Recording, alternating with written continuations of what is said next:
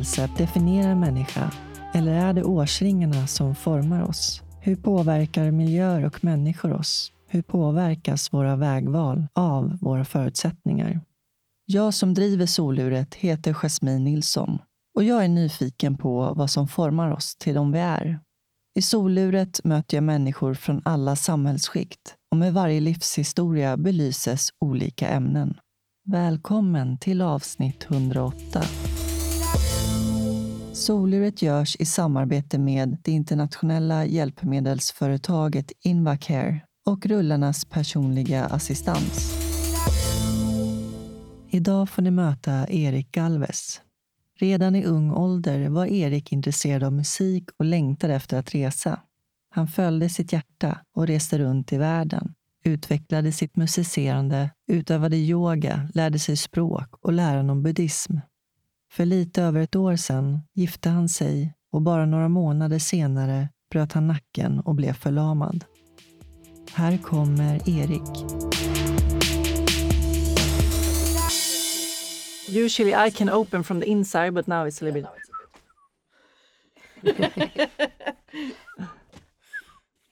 all right. Peace out, Rangers. We are all set. out. It's fun. You want this? Uh, no, I don't need it. You, you can just put it on the table. Yeah. Thank you. Tackar, tackar. Hej då. Vore nice att ha långt sugrör som bara alltid är här så jag bara kan. Men det är okej. Det finns ju den där, finns inte så här variant som finns på kepsar? Man typ har här värsta ölburkar. konstruktionen. Ja. Jag hade faktiskt en sån när jag var tonåring. Som jag drack öl i. Ja, vilka, ja, fantastiska minnen. Ska vi köra Erik? Tycker vi kör. Välkommen till soluret. Tackar, tackar. Hur är läget? Det är bra. Det är en skön dag tycker jag. Det är inte så regnigt. Som det, bruk, som det har varit den här sommaren. Så det har varit, eh, jag har gillat dagens väder. Härligt. faktiskt. Tog en lång dusch. Alldeles för lång, för jag var nästan på väg att bli sent till det här mötet. Men eh, långa duschar är väldigt uppskattade. Vi träffades ju första gången på Aleris rehabstation som det heter. Just det, din föreläsning. Och då hade du inte varit skadad särskilt länge, några månader. Några månader, ja. Sen eh, träffades vi igen, tog en fika det stämmer. och eh, du berättade om dig själv och ditt liv och ja, jag blev nyfiken på dig helt enkelt. Jo, men jag har gjort så mycket. Jag är en väldigt inspirerande person. Ja, eller hur? jo, men det är det. Jag blev nyfiken och jag bara kände, hmm, den här snubben måste vara i soluret någon gång i framtiden, tänkte jag först, för att det kändes för tidigt initialt att intervjua någon som var så pass nyskadad. Men eh, sen funderade jag mer på det och så kände jag att hmm, det kanske är just därför jag ska intervjua dig nu. Möta dig där du befinner dig i livet idag med tanke på allt som har hänt eh, och hur du hanterar det. Hur kändes det för dig? Vad tänkte du när du fick eh, frågan om att vara med? Eh, jag tyckte det kändes... jag var väldigt tacksam. Jag var faktiskt väldigt intresserad av att... Eh, när jag såg det så blev jag väldigt inspirerad av dig. Liksom. Och min fru blev också väldigt inspirerad av dig. Så vi har liksom pratat om det och att jag ska varit med i din podcast kom liksom upp innan du bjöd in oss faktiskt. Så det har gått till mina tankar faktiskt. Så när det dök upp så var det bara toppen. Ja, men jag tycker att vi tar det från början, eller hur? Okej. Du föddes den 1 november 1989. Yes. Alla helgons dag. Vad föddes du in i för familj? En väldigt kulturell, mångkulturell och öppen och väldigt kärleksfull familj med, eh, med många intressanta figurer. Som varje familj. Ja. Men eh, båda mina föräldrar är, eller min mamma är spansk, pappa är fransk. Så jag är liksom, jag har fått den här inte helt svenska uppväxten. Vilket jag har varit väldigt tacksam för på många sätt. Mamma kom hit när hon var åtta år i och med Franco och hela regimen där i den tiden med Spanien. Då. Det var ganska nytt med invandrare, eller det är så hon säger i alla fall, för att hon var en av de få invandrarna liksom, i hennes skola. Liksom. Hon hade det ganska tufft i början, för att hon bröt på spanska och eh, Sverige var inte särskilt välkomnande då tyckte, eller har jag hört det som liksom, när hon pratar om det. Det är ganska svårt. Um, och eh, pappa dök upp, för tror han måste dykt upp på 80-talet någon gång. 70 eller 80-talet faktiskt. Han kom hit för kärleken. Det är väldigt klyschigt men eh, fick barn, Joel. min bror från en annan mor. Men han träffade min mor i alla fall. Han jobbade på SVT precis som min mamma gjorde. Och eh, jag kommer ihåg att min mamma berättade att han eh, på den tiden kunde man åka, om man inte har med ena flyget, då kunde man vänta och ta nästa flyg. Han visste att hon jobbade någonstans, så brukade han vänta på henne på flygplatsen. Så råkade han hamna, hamna på samma flyg som henne. Ja, på den vägen började det för dem. Det var en ganska fin historia. Ja, då är man ihärdig. Precis. Och han var en av dem som designade det här Sveriges Radiotjänst-logo. Okej. Det R som alltid dök upp på SVT, um, som inte dyker upp längre. Kommer du ihåg det R? Det. R som är Ja, det. Jo, krusiduller. men det liksom. är ja. konstnärlig. Riktig konstnärssjäl, ja, kan man säga. Men din mamma är journalist. Ja, hon har jobbat många år på SVT. Så jag har ofta sett mig som ett SVT-barn. Ja. Traumatiserad av På vilket sätt? um, SVT har alltid varit där liksom. Det har alltid varit diskussionen i bakgrunden hemma. Mamma jobbade på Rapport också. Så det var mycket, um, var mycket stress hemma faktiskt. Var det. Jobbet kom också ofta först. Hur påverkade det dig då?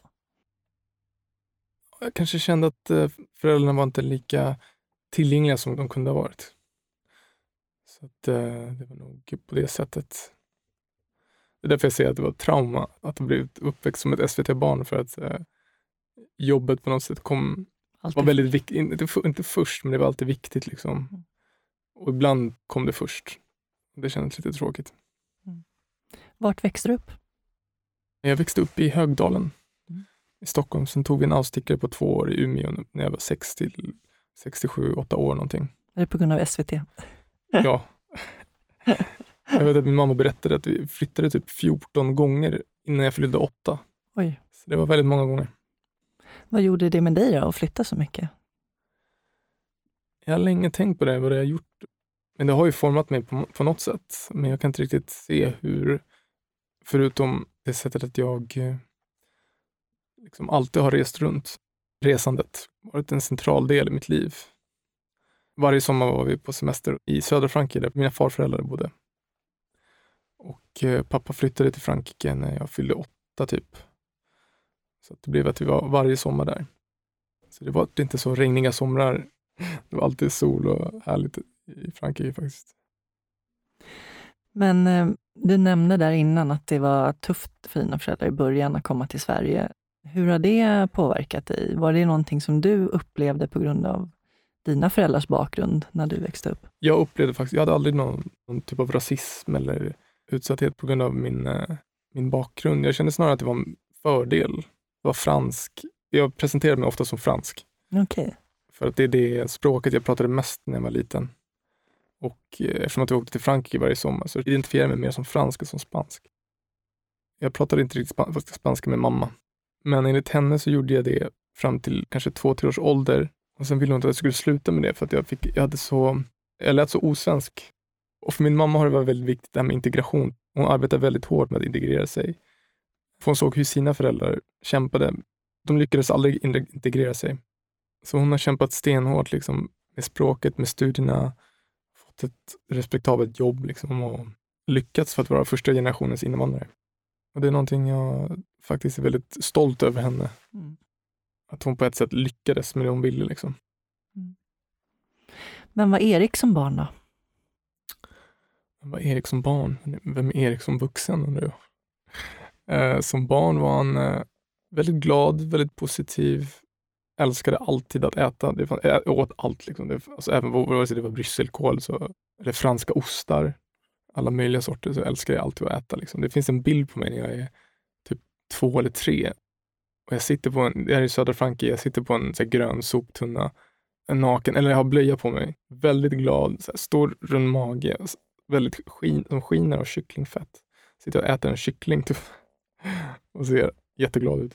Det, det är en väldigt passande bild på vem jag är som person tycker jag fortfarande. Hur gick det i skolan då? Skolan gick okej. Allting var väldigt lätt. Jag ansträngde mig aldrig riktigt för att få höga betyg. Men jag hade väldigt lätt att glida liksom. Det är lite så jag har sett mig, som en, som en säl. en cell bara ligger och, bara, mm, och glider förbi. Liksom. Ja. Vad gillade du mest då för ämnen? Um, geografi, musik. Jag började spela trummor när jag var i typ åtta års ålder. Eller någonting. Och jag hade otroligt tur tycker jag, för jag, jag träffade en, en trumlärare som heter Marcos Migoya. En chilenare. Otroligt bra trumspelare. Det, det fattade jag inte då. Det har jag fattat i efterhand. Liksom. Jag gick till kulturskolan så här, en kvart i veckan i typ tio år. Så det har varit en homeopatisk dos konstant av eh, inspiration. Jag fattade inte att det var en inspiration i början. Det fattade jag först efter flera år. Att det var en väldigt, eh, var väldigt bra på det han gjorde och eh, var en väldigt ödmjuk, tycker jag, person. Jag känner igen mycket av min pappa i honom. För då bodde inte pappa med oss längre. De separerade. Mm. Men Han, var, han blev som en förebild. det blev han, det blev han faktiskt. Jag kommer ihåg att han sa en gång att eh, Erik vill inte lära sig trummor, han kom hit för att prata. Det sa han efter flera, flera år. Och jag hade aldrig sett det så. Jag såg det alltid som att jag, jag kom dit för att lära mig trummor. Liksom. Men han såg det som att jag kom dit för att prata. tyckte jag var fascinerande att få lära mig efter alla, alla år. Liksom. Mm. Men jag älskade verkligen trummorna. Jag tror han blev en ganska stark förebild för mig av min, av bristen av min pappa. Liksom. Och förstått vilken, han gav mig mycket. Liksom. För han gav, vi pratade också, vi kunde gå en hel lektion där vi pratade, inte nödvändigtvis om trummor, vi kunde prata om livet. Så han, han, kom, han skapade nog en, ett intresse för samtal, vilket jag inte har tänkt på så mycket faktiskt, för nu när jag ser det. Gud vad han håller på den här. Knakar och har sig. Jag förstår inte vart ljudet kommer ifrån. Det hörs inte. Jag tror okej det. Ja. Jag får vara still. Låtsas att du är förlamad.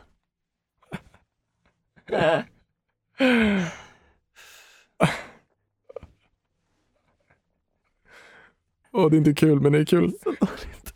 Det är så dåligt. Det är så lågt. Men jag gillar, sånt gillar jag. Men eh, din pappa då, varför blev han så frånvarande? Jag kommer ihåg att det var en ganska stor grej. De båda jobbade på SVT fram till slutet och min pappa blev systematiskt mobbad av sina kollegor. Och de, ingen på företaget visste att eh, min pappa och min mamma var ihop. Då var min mamma chef eller någonting för Svenska Journalistförbundet. Hon var högst upp i, inte kanske till chef, men någonstans ansvarig. Så att under ett, under typ tre år så samlade de på sig bevis liksom. Att han blev utsatt för mobbing. Så de byggde upp ett, ett case liksom. Det pågick under tre år och jag kommer ihåg att de här åren var ganska svåra hemma. Mm. De samlade på sig bevis och till slut så kunde de, jag vet inte om man stämma SVT eller någonting man gör. Det blev ett fall av det hela och min pappa fick tre års löner typ, som plåster på såren. Liksom. Och med de pengarna så lämnade han faktiskt Sverige. Så det var efter att ha kämpat för förhållandet som min mamma gjorde liksom så, så var det väldigt hårt att han bara stack och bestämde sig för att lämna Sverige. Mm. Och då blev min mamma sjukskriven och också utbränd i samband med det. Det tog väldigt hårt på förhållandet eh, under den här tiden att, att han blev systematiskt mobbad, samla på de här bevisen. Liksom. Såklart, det är påfrestande. Mer än jag nog kan komma ihåg faktiskt. Så att eh, jag förstår liksom på ett sätt varför han lämnade faktiskt. Och eh, någonstans är jag också tacksam. Eller jag tror faktiskt att det var det bästa för oss i familjen. Att han gjorde det. Ja, det här är en pågående diskussion inom familjen. Samtidigt, din mamma blev ensamstående och utbränd. Precis. Och på något sätt har jag alltid tagit hans sida ändå, fram tills nyligen. Eller inte tills nyligen, tills, fram till några år sedan så Mm. har jag bara pratat ihop mig med syskonen och liksom förstått mer av vad som har hänt. Liksom, och försöka förstå den andra sidan bättre, eller vår sida bättre. Liksom. Jag har alltid känt att jag, jag är den som har tagit min pappas parti mest. Liksom. Kanske för att jag var ensam son. Så jag kände att jag behövde skydda honom på något sätt, antagligen. Det kanske var ett sätt att hantera också, att liksom hitta en acceptans i det. Vad heter det? Eh, just, justify, vad heter det? Um, oh gud. Rättfärdiga. Rättfärdig heter det. Snyggt, high five. Skönt. Tetra five. Ja, precis. Ja, men, eh, ja, ett sätt att rättfärdiga det för dig själv. Precis. Men jag kan tänka mig ändå att det var en sorg. Jag menar, han var ju inte där. Nej, det har alltid varit en konstant sorg tror jag. Mm. Eller det har det varit. Mm. Eh, Men samtidigt så är det, tror jag ändå i slutändan att det var det bästa på något sätt. Han funkade inte i Sverige. Liksom. Han, Nej. han lyckades aldrig- komma in i det svenska. Liksom. Som han, och han sa ofta att eh, Sverige är ett svårt land. Alltså, det är ett väldigt fint land på många sätt. Väldigt öppet, väldigt avancerat på sitt sätt. Liksom. Men, men det är svårt med Integration. integration. faktiskt. Och det har jag märkt liksom, med min mamma som har jobbat, eller med mina föräldrar, med min trumlärare som också inte kom in i, i det svenska. Liksom. Så jag, jag har sett det mycket liksom, bland mina morföräldrar också. Det har varit ett tema liksom att eh, den här kampen av att komma in i det svenska samhället har alltid funnits där. Men jag har många vänner också där som säger att Sverige är svårt. Mm. Och jag kan tycka det är svårt. Jag kan se hur folk kämpar liksom. Gymnasiet, vad gick du för gymnasium? Jag gick eh, Lestradska. Jag tror, jag tror nu det heter Sjölins.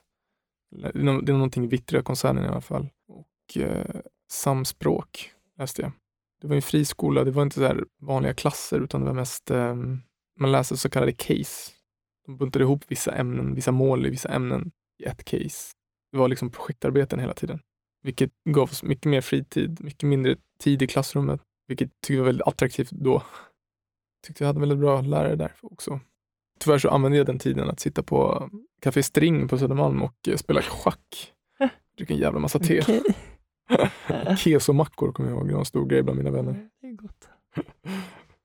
Jag hörde att de hade stängt ner nu Café String eller för några år sedan. Är det sant? Ikonisk eh, Ja. ställe som alltid har funnits. Stängde vi, ner under pandemin tror undrar om vi har stött på varandra någon gång i de där kvarteren. jag. Jag, jag. jag har ju bott på Södermalm. Okej. Jag är ju några år äldre. Hur gammal är du egentligen? Eh, Off the record kanske? hur gammal är du egentligen? Nu när du tar upp ämnet liksom. Vet du, Vilken tur. jag blir Det är fan respekt alltså. Jag har överlevt år. Ja, men du 80 80-talist som jag i alla fall. Mm. precis. Tetra 5. Ja. Men eh, schack, var du bra på det eller? Ja, bra schack har alltid varit en stor del av mitt liv. Ja. Jag var med i schackfyran när jag gick i trean till exempel. Och igen när jag gick i fyran. Jag kommer ihåg att vi fick spela schack i Stadshuset. Okej. En av mina klasskamrater var Sveriges bästa schackspelare. Det var en tjej som hette Angelica Ågren. Och jag tyckte hon alltid var inspirerande på det sättet eftersom att eh, hon var så grym på schack. Faktiskt. Jag brukade spela väldigt mycket schack. Eh, Jag brukade gå så en, två gånger i veckan på turneringar. De första åren så vann jag väldigt mycket. Liksom. Kom första plats och såna grejer. Det gick väldigt lätt för mig. Sen Sälen. jag, sen när jag, precis. Sen när jag började möta motstånd, då var det inget lika kul längre. När jag kom två och tre, då var det så här, det här går inte längre. Min karriär är slut. Så att, men det har alltid funnits där liksom. Eh, spelat med vänner och så. så. Det är också någonting jag är väldigt tacksam för. Jag tycker det har skapat en, eh, det har gett mig en mental, eh, eller både musiken och schacket har gett mig ett sätt att se på livet som jag tycker det har gett mig mycket. Jag tycker det har öppnat, öppnat min värld liksom. Men eh, vad tänkte du om framtiden då, när du gick där på gymnasiet och spelade schack på string? Jag tror inte jag tänkte så mycket på framtiden. Det var mer så att njuta i stunden. Ja. Det tycker jag är någonting min pappa har lärt mig ganska mycket av. Också. Han har alltid varit väldigt kreativa, liksom, som inte följer normen. Och samtidigt som min mamma alltid varit den här, man gör det man ska. Så det har varit kul att se de här båda sidorna. Och sen har jag mer följt i pappas fotspår på något sätt ändå. Jag har slutat så.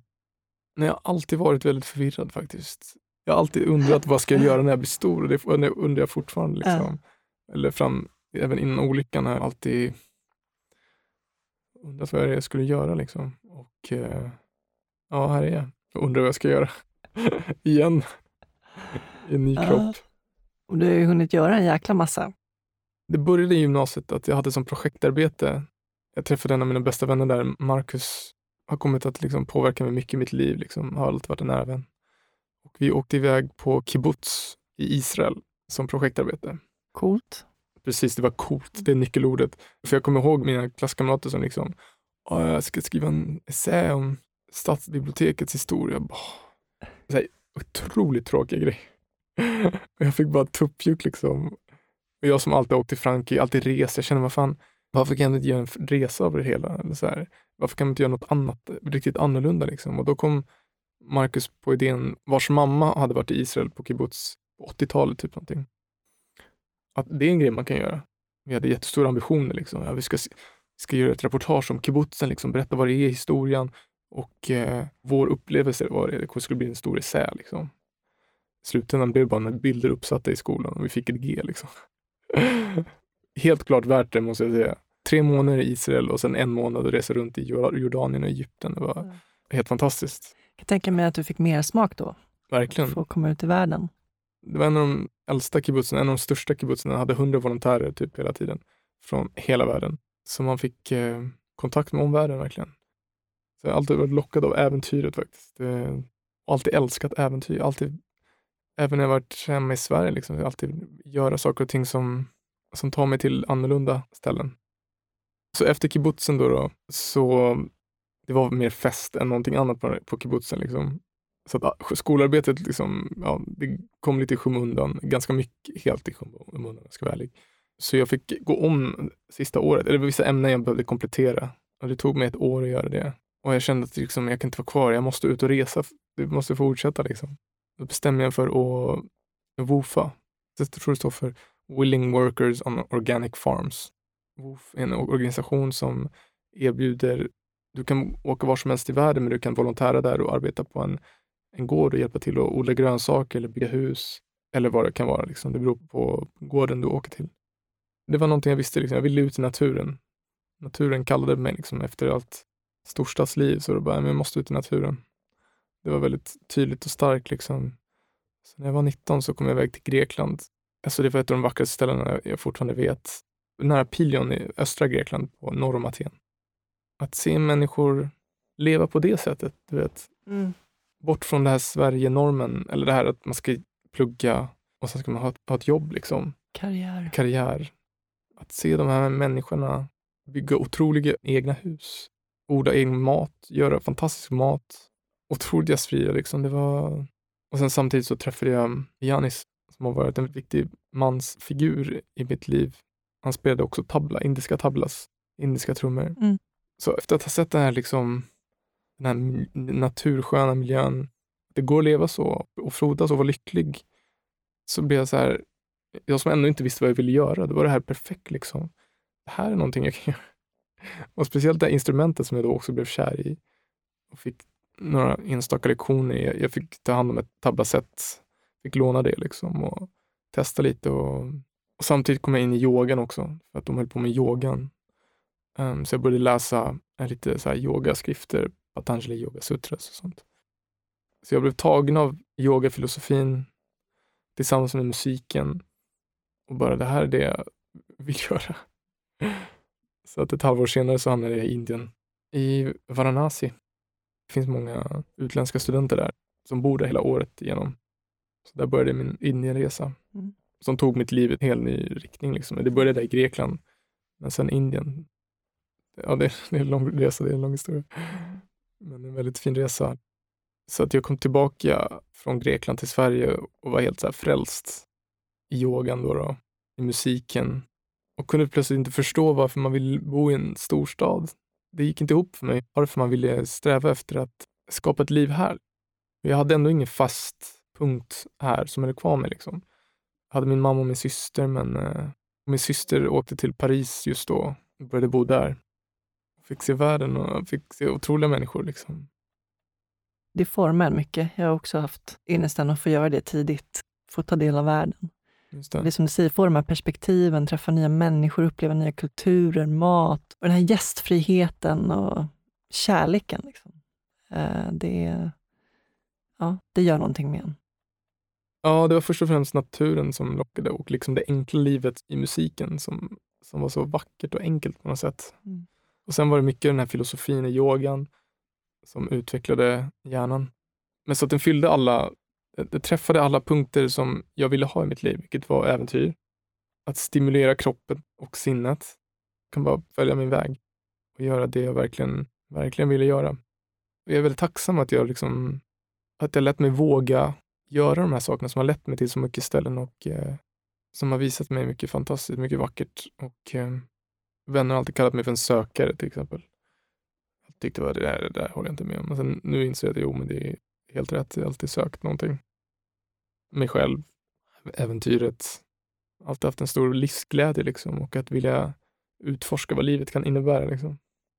Men 2010 till 2015, det var, det var mina år i Indien. Det var väldigt läskigt de första dagarna. Liksom.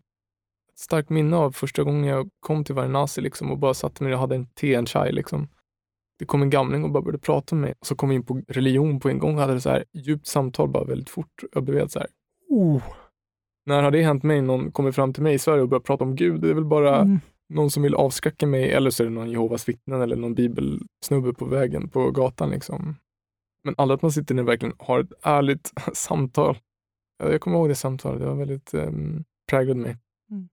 och välkomnade mig till Indien. Jag tyckte inte om Varanasi i början och jag köpte en biljett till Goa bara redan efter, ja det var faktiskt redan efter tre dagar. Och bara tänkte, här kan jag inte stanna. Sen träffade jag Janis igen från Grekland. Jag kommer ihåg att just det, jag kom hit för att lära mig musik. Så jag, jag avvaktade med biljetten, eller jag, jag sålde biljetten igen. Träffade min första tablalärare, tabla-guru liksom, och eh, kände mig direkt väldigt hemma med handtrummor. Liksom. Det var ju privatlektioner så jag satt, han satt framför mig och spelade och lärde mig. Man lär ju sig att sjunga det man spelar först. Man lär sig att sjunga innan man spelar. Så att man lär sig skriva, man lär sig sjunga, eller tala kan man säga. Så en komposition kan till exempel, eller en, en liten fras kan vara da och det skriver man. Det är så man lär sig i början. Man, man lär sig tala eller sjunga. Eller boll. Man lär sig sjunga bollsen som det heter. Och sen lär man sig dess representation på trummorna. Och det var ett väldigt simpelt och elegant sätt. Väldigt eh, intuitivt.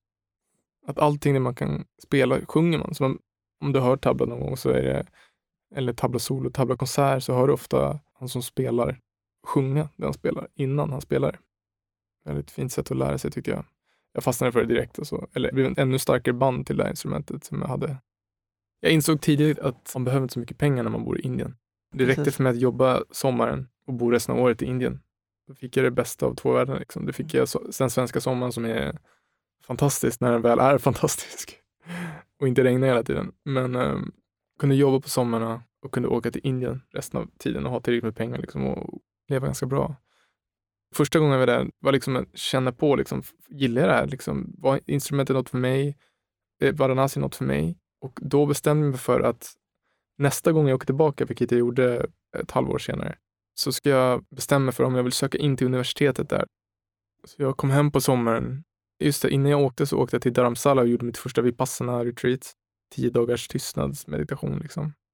Det påverkade mig väldigt mycket och eh, kom väldigt mycket in i buddhismen. Det var en stor chock, för det var första gången jag var tyst i tio dagar. Annars så pratar man ju konstant. När är man tyst i tio dagar? Aldrig. Mm. Det var väldigt nyttigt att få uppleva det, liksom, att känna på hur det är att hålla inne, att vara tyst. Och man insåg vilken kraft pratandet har. Liksom, vilken hur, inte bero, jo, hur beroende man är av att prata. Liksom. Viljan av att prata och dela med sig av eh, erfarenheter. Eller bara, det är en stor kraft, insåg jag, att vilja prata. Man är väldigt skör och ömtålig när man kommer ut. För alla intryck blir väldigt starka plötsligt. Man ska inte ens kolla in i personers ögon. Man ska kolla ner i marken. Så man stänger verkligen in sig själv. Eller frigör sig själv, beror på hur man ser det. Men jag blev väldigt ömtålig mot omvärlden eh, när jag kom tillbaka till Sverige, då var det bara så här, det kändes så våldsamt. Samhället här kändes väldigt våldsamt på något sätt och hade inte den här fina ömtåligheten. Jag såg väldigt annorlunda på allting efter det. Inte bara Indien i sig, men just det här retreatet, liksom, det påverkade mig väldigt mycket. Så jag blev ännu mer hängiven buddhist då. Eller början av min buddhistiska karriär kan man säga. Så när jag kom tillbaka så var det väldigt jobbigt att eh, prata med vänner. Dels hade jag klippt kontakten med 95 procent av mina vänner. Varför kände du att du behövde klippa kontakten med vännerna? Jag kände att eh, inom theravada-buddhismen så är, finns det en väl, ett ideal att eh, stänga ute omvärlden, liksom, att koncentrera sig för att göra det man ska göra inom buddhismen, att komma framåt, utveckla sig inom koncentration och visdom. Liksom, så så är det lättare om man skär av omvärlden. Så jag, jag tog det lite som att jag låter mig själv göra det här. Liksom. Jag behöver ändå lägga ner mycket tid på musik och annat. Och det var lätt att skära av. Och det kändes, det kändes naturligt och nästan som att jag behövde göra det. Men när jag kom tillbaka till Sverige, då jag kommer ihåg, till och med svära var väldigt svårt för mig. Andra folk svor eller jag hade också slutat äta kött. Jag kände mig som ett spädbarn, typ en bebis. Och allting var nytt. Jag såg plötsligt Stockholm med nya ögon. Jag kommer ihåg att jag kunde kolla upp, stanna och kolla på folk. Vad gör den här människan? Eftersom att jag var så upplyst och medveten om mig själv. Så och såg ner lite på folk. Det var början på mitt eh, liv 2.0. Okay. Tog privatlektioner i hindi, började lära mig hindi. Efter två, tre år pratade jag ganska helt okej. Okay. Alla var väldigt imponerade över min hindi. Det är väldigt viktigt vad andra tycker såklart, så att alla sa att jag var så bra. Just det, jag hade börjat universitetet också. Så jag tog en eh, kandidat inom lingvistik och studerade pali-språket som är buddhas språk. Engelska, engelsk litteratur och eh, lite franska, men det var mest bara för att få ta de poängen. Liksom. Det var bara pojkar. Det var segregerat liksom. Första gången jag var med om det. Och eh, i och med yogan så hade jag ju också, eller yogan och buddhismen, de uppmuntrar ju också till eh, sexuell abstinens. Så där någonstans hade jag också börjat, det som kallas brahmachari. Jag gick ett par år, typ tre, fyra år med total sexuell abstinens. Avhållsamhet. Avhållsamhet, det vad det heter. Och det var extremt, extremt givande. För att den sexuella, det här drivet, det, var, det hade varit så starkt i mig tidigare. Men sen har jag blivit så övertygad om både buddhismens och yogans. De pratar mycket om det i sina skrifter bland annat och kommentarer. Frukterna av avhållsamheten. De första tre månaderna, när jag väl hade bestämt mig för det, det bara försvann av sig självt. Och till slut blev varenda kvinna jag mötte som en syster och det var fantastiskt att, att få uppleva det faktiskt. Jag är väldigt tacksam för, för den tiden. Den lärde mig mycket. Liksom. Så, och det fick mig att sätta mig högre upp på mina hästar. Liksom, att jag, jag gör alla de här grejerna liksom, och tittade ner på alla Stockholmsmyror som levde vardagslivet. Liksom. Ja, mitt ego blir väl ändå väldigt boostat. Man ska ju arbeta med sitt ego, men det blev som att det förstorades omedvetet.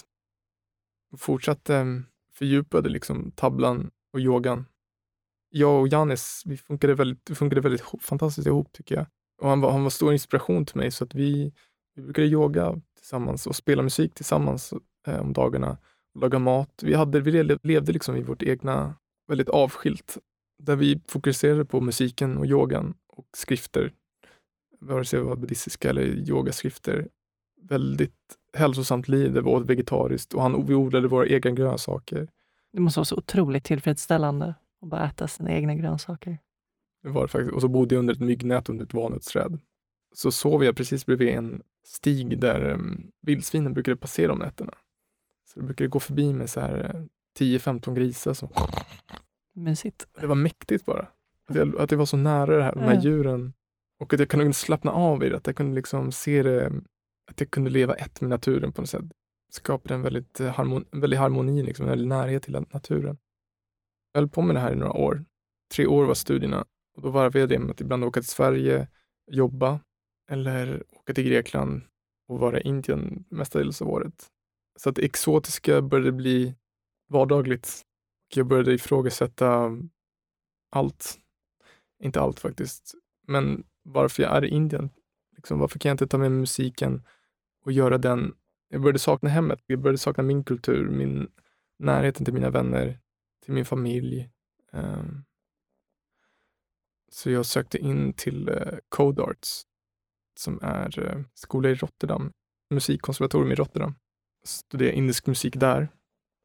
Där gjorde jag 2016. Och jag har varit så länge i Indien att det blev så här, varför ska jag fortsätta vara här? Det, det vände sakta men säkert. Efter att ha varit så övertygad att Indien är det stället jag ska vara. Liksom. Jag hade liksom börjat idealisera Indien.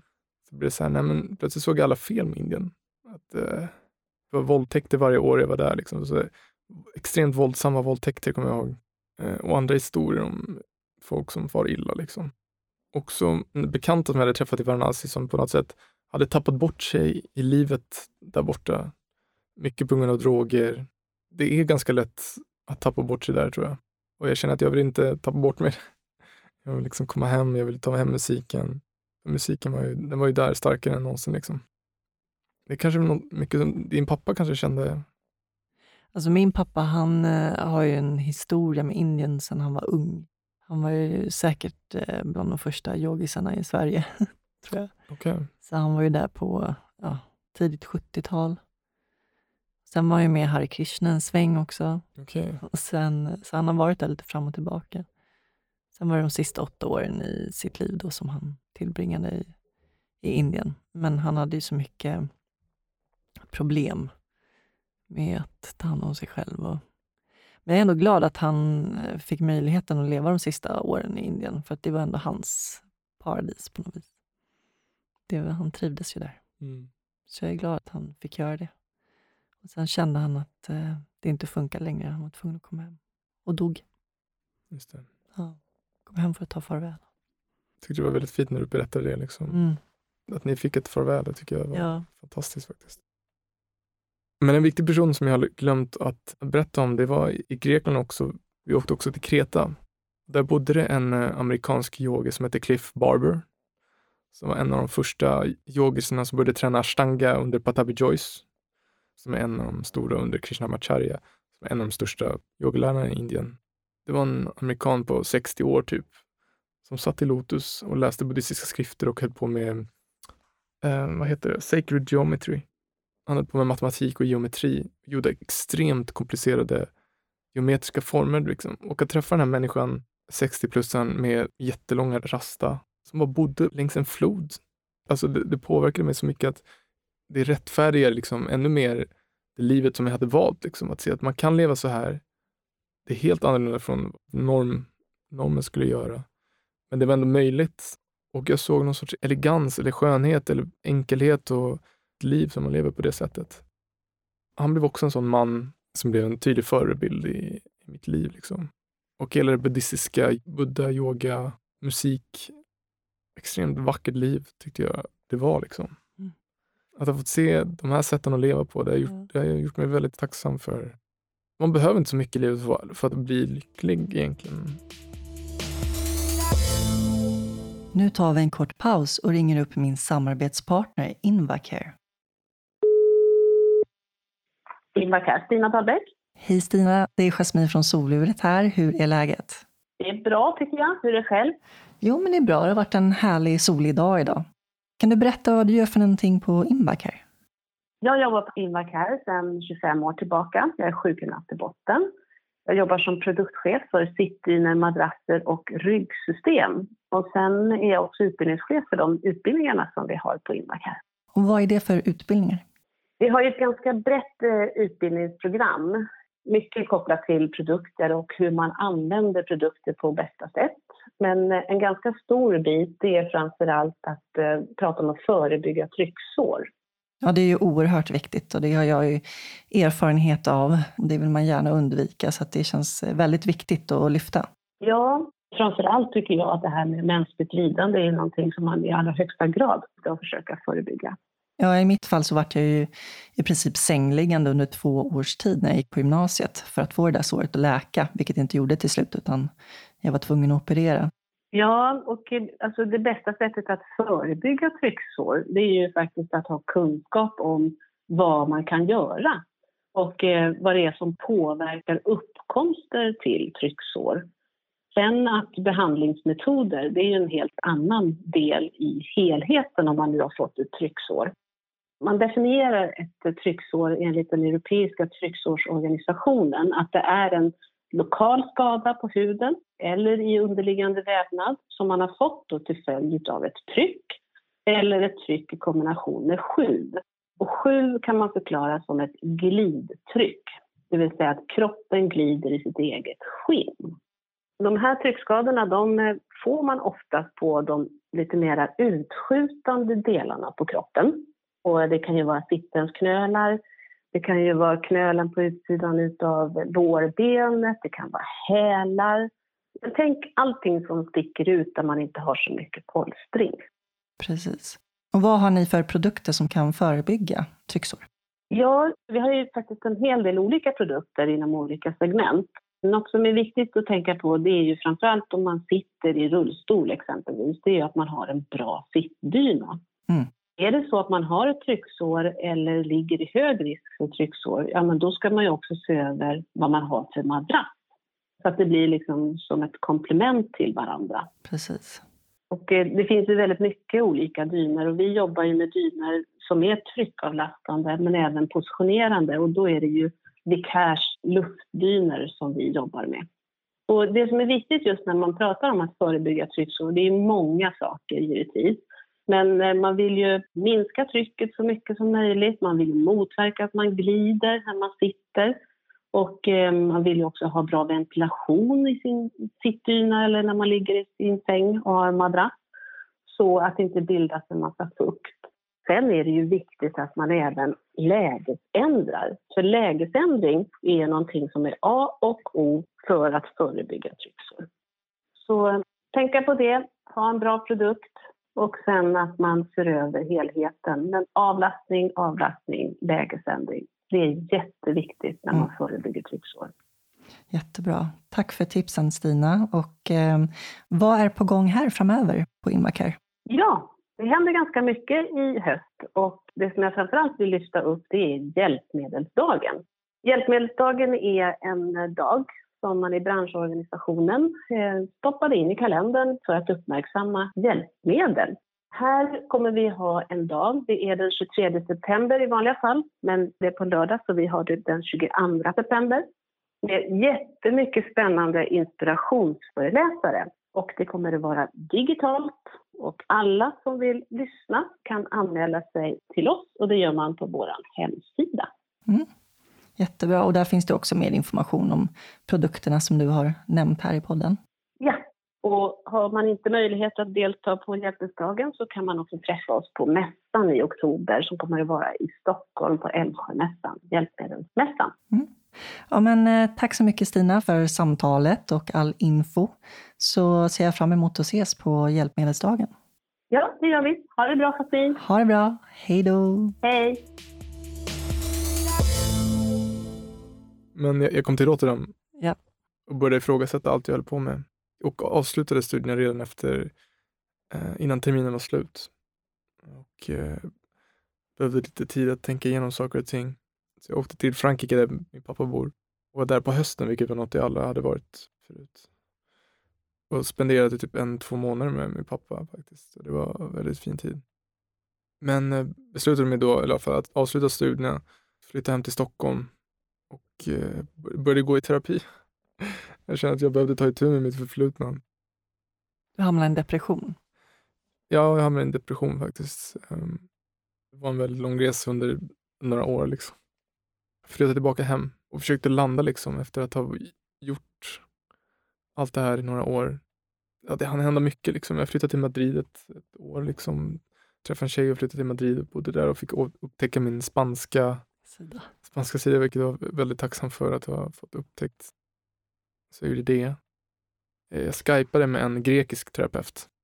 Så att han var med mig under den tiden. Det känns som att eh, du har känt dig rotlös genom livet. Ja, det kan man säga. Mm. Just det ordet rotlös, det har varit återkommande. Någonting jag tänkt på ofta. Väldigt rotlös. Liksom. Det kan komma från att vi flyttade så mycket. Eller pappa liksom inte han lyckades rota ner sig i Sverige kanske. Att jag rest runt så mycket. Det behöver inte vara någonting negativt heller, men Jag har alltid sett det som en styrka, men, Mm. eh, men det är också en svaghet. tycker jag. ja, för det blir som att man har en längtan bort till någonting annat hela tiden. Ja, så kan man säga. Och ingenting kan riktigt växa liksom, om man är rotlös heller. Typ. Just det. Eller det växer, men eh, ja. Och jag känner mig rotlös faktiskt. Väldigt rotlös. Mm. För jag var väldigt övertygad under många år där i Indien att eh, jag gjorde det rätta. Liksom. Jag visste vad jag ville göra. Sen plötsligt när jag inte ville göra musiken eller tablan, då bara, vem är jag? Mm. Jag trodde det här är den jag liksom har satsat på hela tiden. Det var att bli världsbäst i tabla liksom. Mm. Det var liksom min väg, min eh, öde, Ditt kall. mitt kall. Jag har flyttat runt så mycket och jag trivs i det. Nu vill jag testa på att stanna kvar och känna på hur det känns. Jag tror det var då jag, jag blev personlig assistent faktiskt. Jaha. Ja. Hur var det att jobba som personlig assistent? Jag eh, gillade det väldigt mycket. Jag tyckte om medmänskligheten i det jobbet. Eller, det, kändes som ett väldigt mänskligt jobb. Det var någonting jag behövde just då tyckte jag. Det gav mig insyn i livet som ryggmärgsskadad. Så jag fick känna på det i livet liksom innan, innan olyckan. Det har jag varit väldigt tacksam för faktiskt. Mm. Att, eh, det jag har fått se, det gav mig en sorts förberedelse för hur det har varit nu. Liksom. Mm.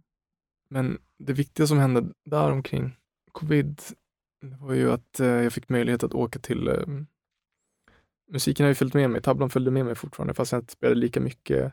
Jag hade många här i Sverige som spelade indisk musik.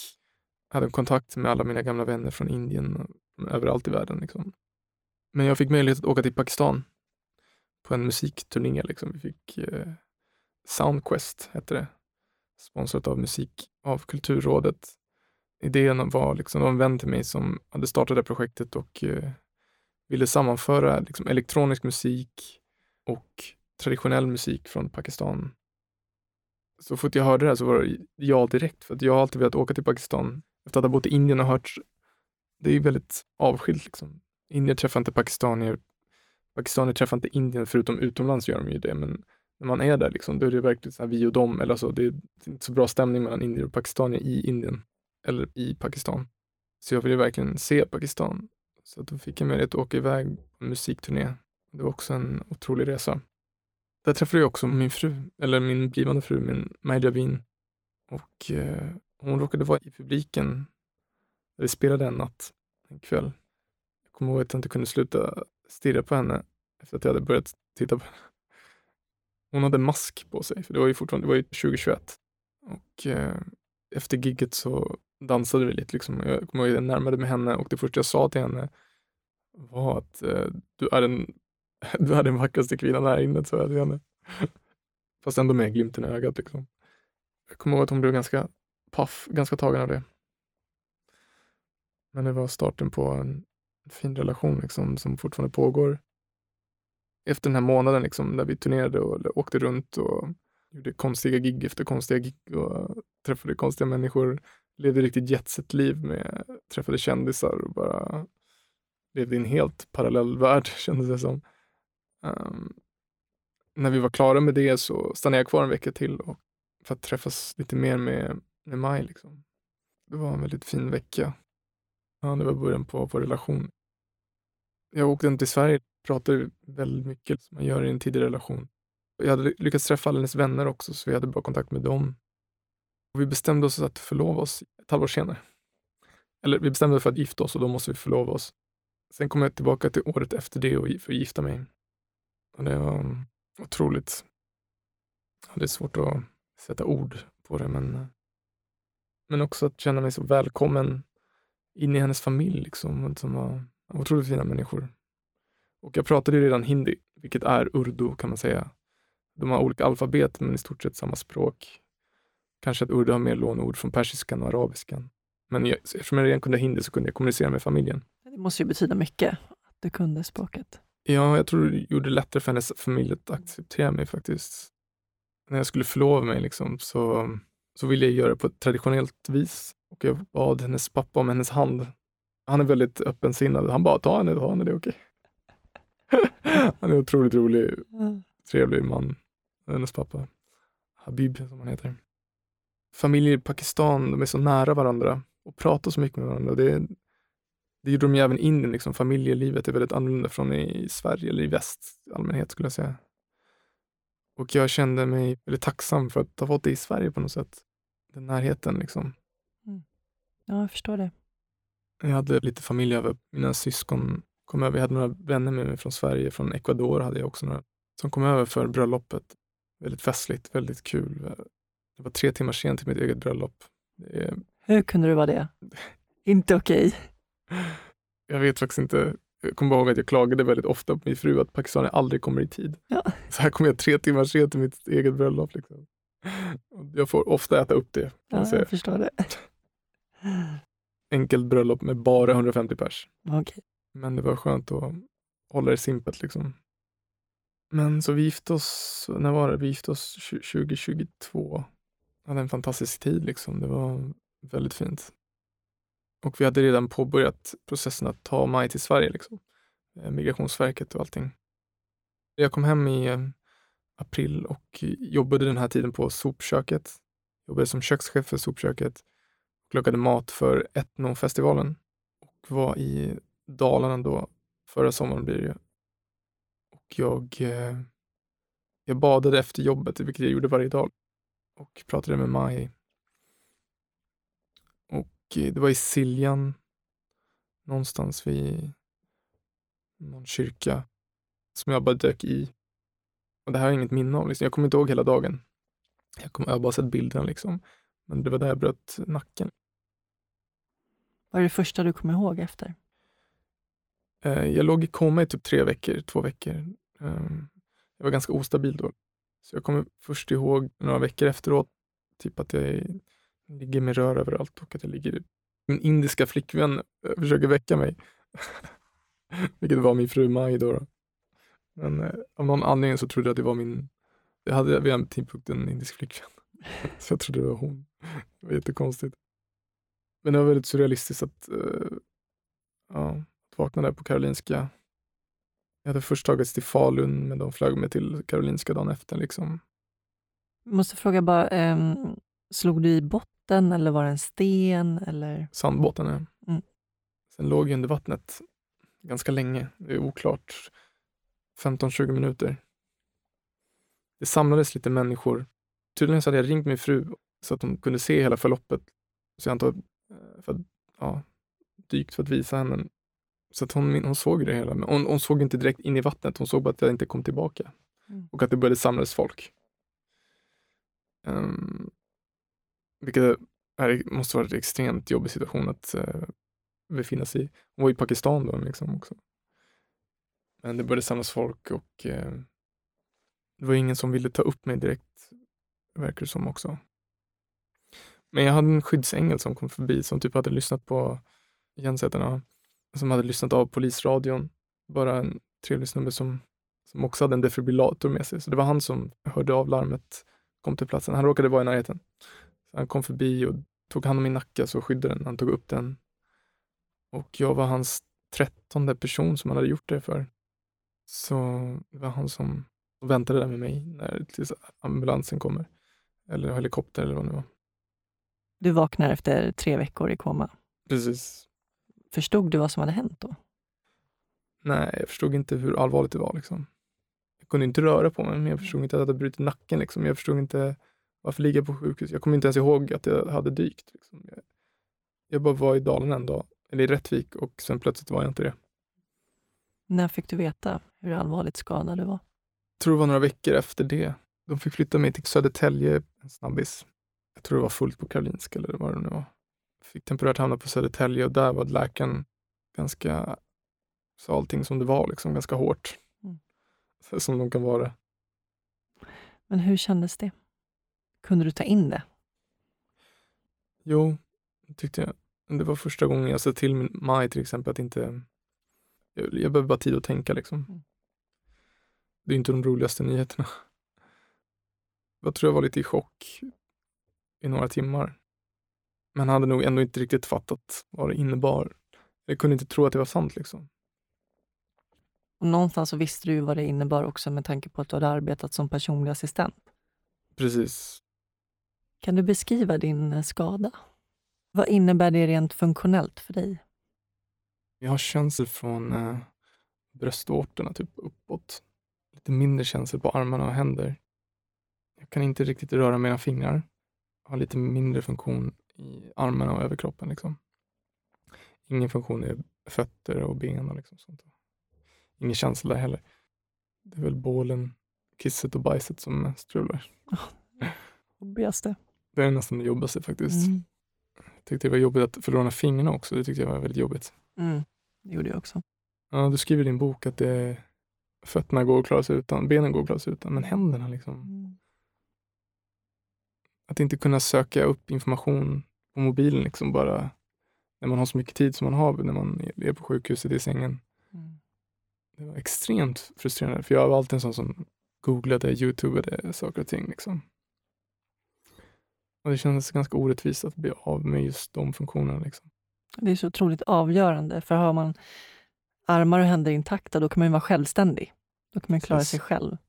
Så det är avgörande på så sätt att man blir beroende av andra människors hjälp. Just det. Jag kommer ihåg att eh, det blev hela tiden bättre och bättre. Mm. Nu har det ju stannat av lite. Eller nu har det liksom stabiliserat sig, eller vad man säger. Mm. Sen har jag gjort ena operationen i, för triceps, för att få tricepsfunktionen tillbaka. Och då att plötsligt bli sängliggande sådär var jobbigt att bli handikappad igen. Efter att ha kämpat och arbetat hårt för att arbeta upp rörelser i det man kan. Så blir man plötsligt begränsad igen. Kan plötsligt inte röra höger armar längre under, lång tid.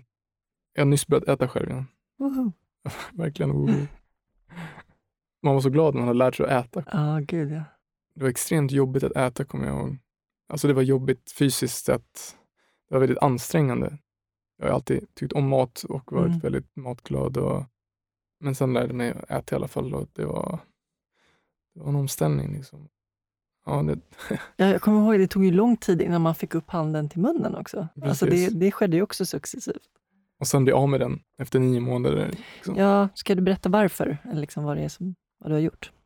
Precis, en nervtransferering på båda underarmarna. Det ska ge mig förmågan att öppna händerna igen. Kanske. Det är 30 procent chans att det fungerar eller vad de säger. Och det tar ju tid innan det visar sig också, så jag kan ännu inte öppna mina händer. Vi får se om det kommer eller inte. Och sen har jag gjort en senrekonstruktion. där De tar en sena från smalbenet. Operera in i ena tricepsfästet. Precis. För att nerverna till tricepsen är av. Mm. Men nerverna till min deltoidmuskel funkar fortfarande. Mm. Så att, eh, det är den muskeln jag använder som triceps istället nu. Det, det var ganska skönt att få den rörelsen tillbaka faktiskt. Alltså det är så stor skillnad på att ha en fungerande triceps till att inte ha det. Liksom bara biceps, så då kan man bara böja armen. Ja, precis. Så för mig gjorde det enormt stor skillnad. Men det gjorde du många år efter olyckan, eller? 2007, ja. Så det var åtta år efter olyckan. Mm. För mig var det så osäker på om jag skulle göra det tidigt. Mm. För att det var jobbigt att bli av med de funktioner man hade jobbat upp. Just det. Att plötsligt bli av med dem var varit väldigt jobbigt. Men det är en övergångsperiod, Det är en övergångsperiod. ja. tack och lov. Tack och lov. Sen blir det skitbra, ska du veta. Skitbra. Men eh, Det ja, blir bättre. det blir bättre. Nej, men det, alltså det är så värt det att gå igenom det. Men det är ju starkt att göra det så kort efter olyckan. Att liksom rent mentalt behöva gå igenom det igen. För att man backar ju tillbaka känns det som, tills det blir bra igen. Men det kändes som att i långa loppet så skulle det vara värt det. Mm. Så det, det var nog det rätt att göra liksom. Ändå. Men eh, rent psykiskt då?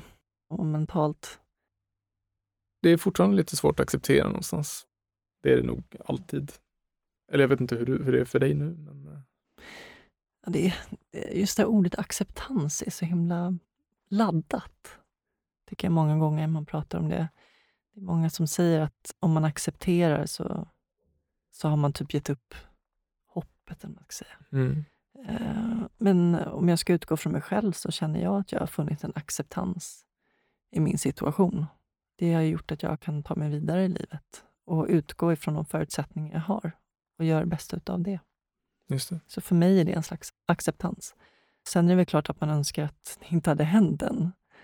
Ehm, samtidigt som man då inte skulle ha det ogjort därför att man har träffat så många betydelsefulla människor Mm. efter skadan. Men det är väl klart att man inte vill vara med om något sånt här. Det är otroligt livsomvälvande. Alltså det omkullkastar livet fullkomligt. Ehm, att bli förlamad eh, och som i vårt fall då eh, beroende av andra människors hjälp. Det blir ett helt nytt liv, en helt annan vardag. Mm. Och bara den utmaningen att vara beroende av andra människors hjälp. Och ehm, det är ju, ja, har man inte varit med om det eller levt med det så är det väldigt svårt att förklara. Men ehm, det är så mycket som händer också när man är nyskadad. Men det, det är bara ett år sedan för dig. Ja. Och jag tänker liksom, dels så ska man ju lära känna sin nya kropp. Liksom, hur funkar en förlamad kropp? Hur funkar den inte? Ehm, och, och med allt vad det innebär. Ehm, och sen hjälpmedel, vad ska man ha för hjälpmedel? Hur mycket funktion kommer jag få tillbaka? Hur mycket kan jag träna upp? Och det är så otroligt mycket. Och sen är det myndigheter som blir inblandade. Och så är den kampen också. Ehm, vart ska man bo? Det kanske inte funkar med rullstol där man bor när olyckan inträffar. Måste man fixa det? Och det är så mycket runt omkring. Det är så omfattande allting. Så att, ehm, ja, det är svårt att sammanfatta det. Jo. Men det var acceptans vi pratade om. Och, I mitt fall så känner jag ändå att jag fann en acceptans Ja, för att kunna gå vidare. precis. Så jag tror jag kämpar lite med den faktiskt. Eller både ja och nej. Men jag vet att du sa till mig när vi fikade den där gången att ehm, du frågade om jag kände att min personlighet har blivit annorlunda. Och eh, jag hävdar ju att den inte har gjort det, att jag fortfarande har liksom min, min kärna kvar. Men att visst, jag har ju fått eh, nya erfarenheter som också har format mig. Men jag tycker inte att min personlighet har förändrats så mycket. Jag identifierade mig väldigt mycket med min kropp, vilket alla gör, och du också som dansös. Men liksom, jag har alltid känt att jag har varit väldigt fysisk om när jag pratar bara. Och min röst, mitt skratt, eh, har jag alltid tänkt en del av min personlighet, min personlighet, men det kanske inte är det. Man blir av med så mycket tycker jag. Mm. Det är precis som du beskriver det här med hur man rör på sig och så. Nu har, jag, har du och jag istället liknande gester Just det. eh, på grund av våra funktioner. Hur vi rör på oss, liksom, hur vi rör armarna och sådär. Ehm, det var, tyckte jag var jobbigt att eh, acceptera det, att jag hade förlorat sättet som jag ja, men gestikulerar och min hållning och allt det där. Liksom, att det var en viktig del av mig. Så det kan jag känna igen mig i, absolut. Nu viftar jag som fasiken när jag pratar, så det, det är bara att vifta på. Jag får lära mig att vifta på annat sätt. Liksom. Ja. Men eh, jag tycker jag relaterar mycket till, alltså att som dansös, som yogi, eller inte, jag kan inte kalla mig yogi, verkligen inte. Men som väldigt aktiv med min kropp, liksom, som jag var.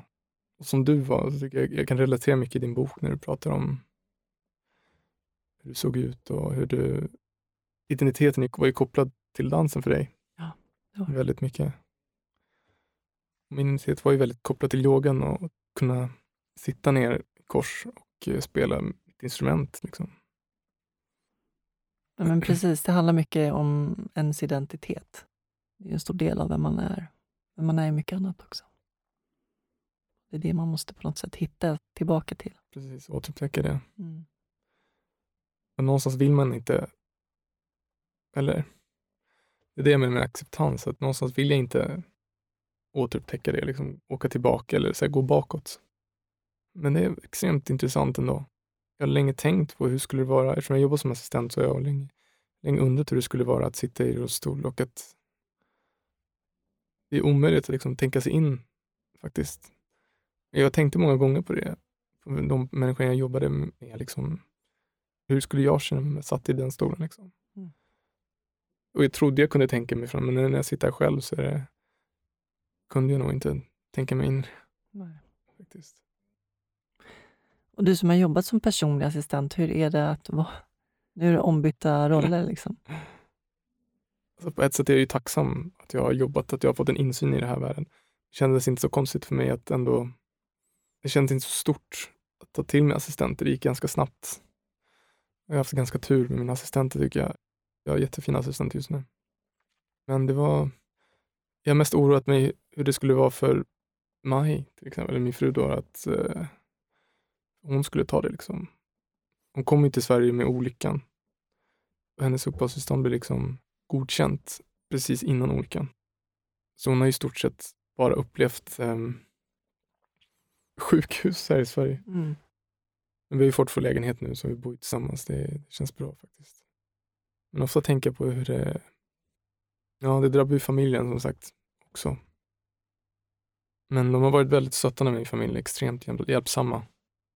Min pappa kom också upp därefter. Det var fint att se honom faktiskt. Vad innebär det för dig att vara människa? Jag har på något sätt alltid ställt mig den frågan. Inom ramverket av buddhism liksom så det synsättet har liksom färgat mitt synsätt väldigt starkt. Och jag kommer alltid tillbaka till det buddhistiska synsättet. På, nu säger inte den exakt vad det är, innebär att vara människa liksom kanske, men det är en livsåskådning liksom att eh, suffering, liksom, det konceptet är väldigt där i mig.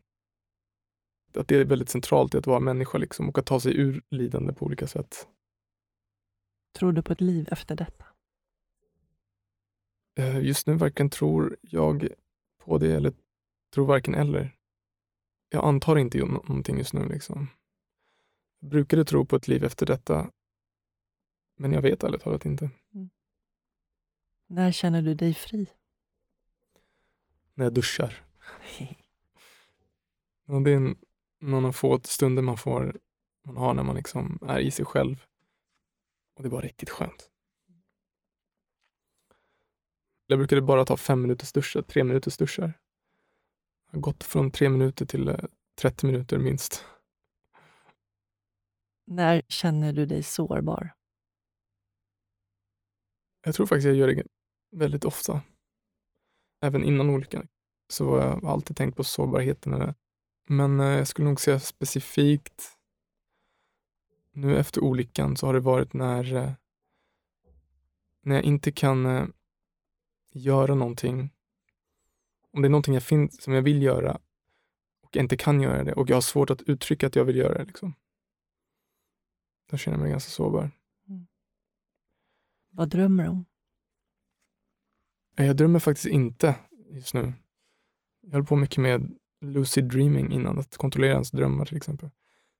Men eh, jag har faktiskt inte drömt någonting alls. Nu snackar jag sovdrömmar. Jag har inte drömt någonting sedan olyckan och det tycker jag är väldigt tråkigt. Och vad jag drömmer om annars? Ja. Ett helt liv. Ett helt liv. Vi kommer till några lättare antingen eller-frågor nu. Okej. Okay. Kaffe eller te? Oh. Jag har slutat med kaffe så många gånger i mitt liv. Nu är jag på en så här detox så det är te faktiskt, den är, det är den enda konstanta. Stad eller landsbygd? Finns, kan man inte välja djungel? Så jag bodde i Grekland, det var ju mitt i djungeln faktiskt. Bok eller film? Just nu skulle jag säga film. Kött eller grönsaker? uh, jag var vegetarian sju år, vegan i två år, men nu är jag tillbaka till kött. Så nu jag skulle faktiskt säga kött. Planering eller spontanitet? Spo ja, spontaniteten känns så onårbar just nu. Spontanitet. Se eller höra? Höra. Lyssna eller prata? Lyssna. Tack så jättemycket Erik för att du delade med dig av ditt äventyrliga liv. Tack. Förhoppningsvis fortsätter äventyren. Tack ska du ha.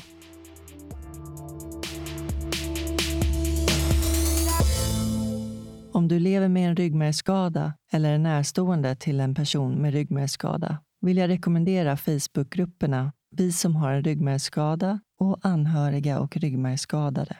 Där finns möjlighet att utbyta erfarenheter, tips, tankar och idéer kring att leva med en ryggmärgsskada. Länkar finns också i informationen om avsnittet. Tack till min huvudsamarbetspartner Invacare. För mer information om Invacare och deras hjälpmedelsprodukter kan du gå in på invacare.se. Och tack till Rullarnas personliga assistans Rullarnas vision är att man ska kunna leva ett så oberoende liv som möjligt trots sin funktionsnedsättning. Mer information finns på rullarnas.se och ni kan följa dem på Instagram.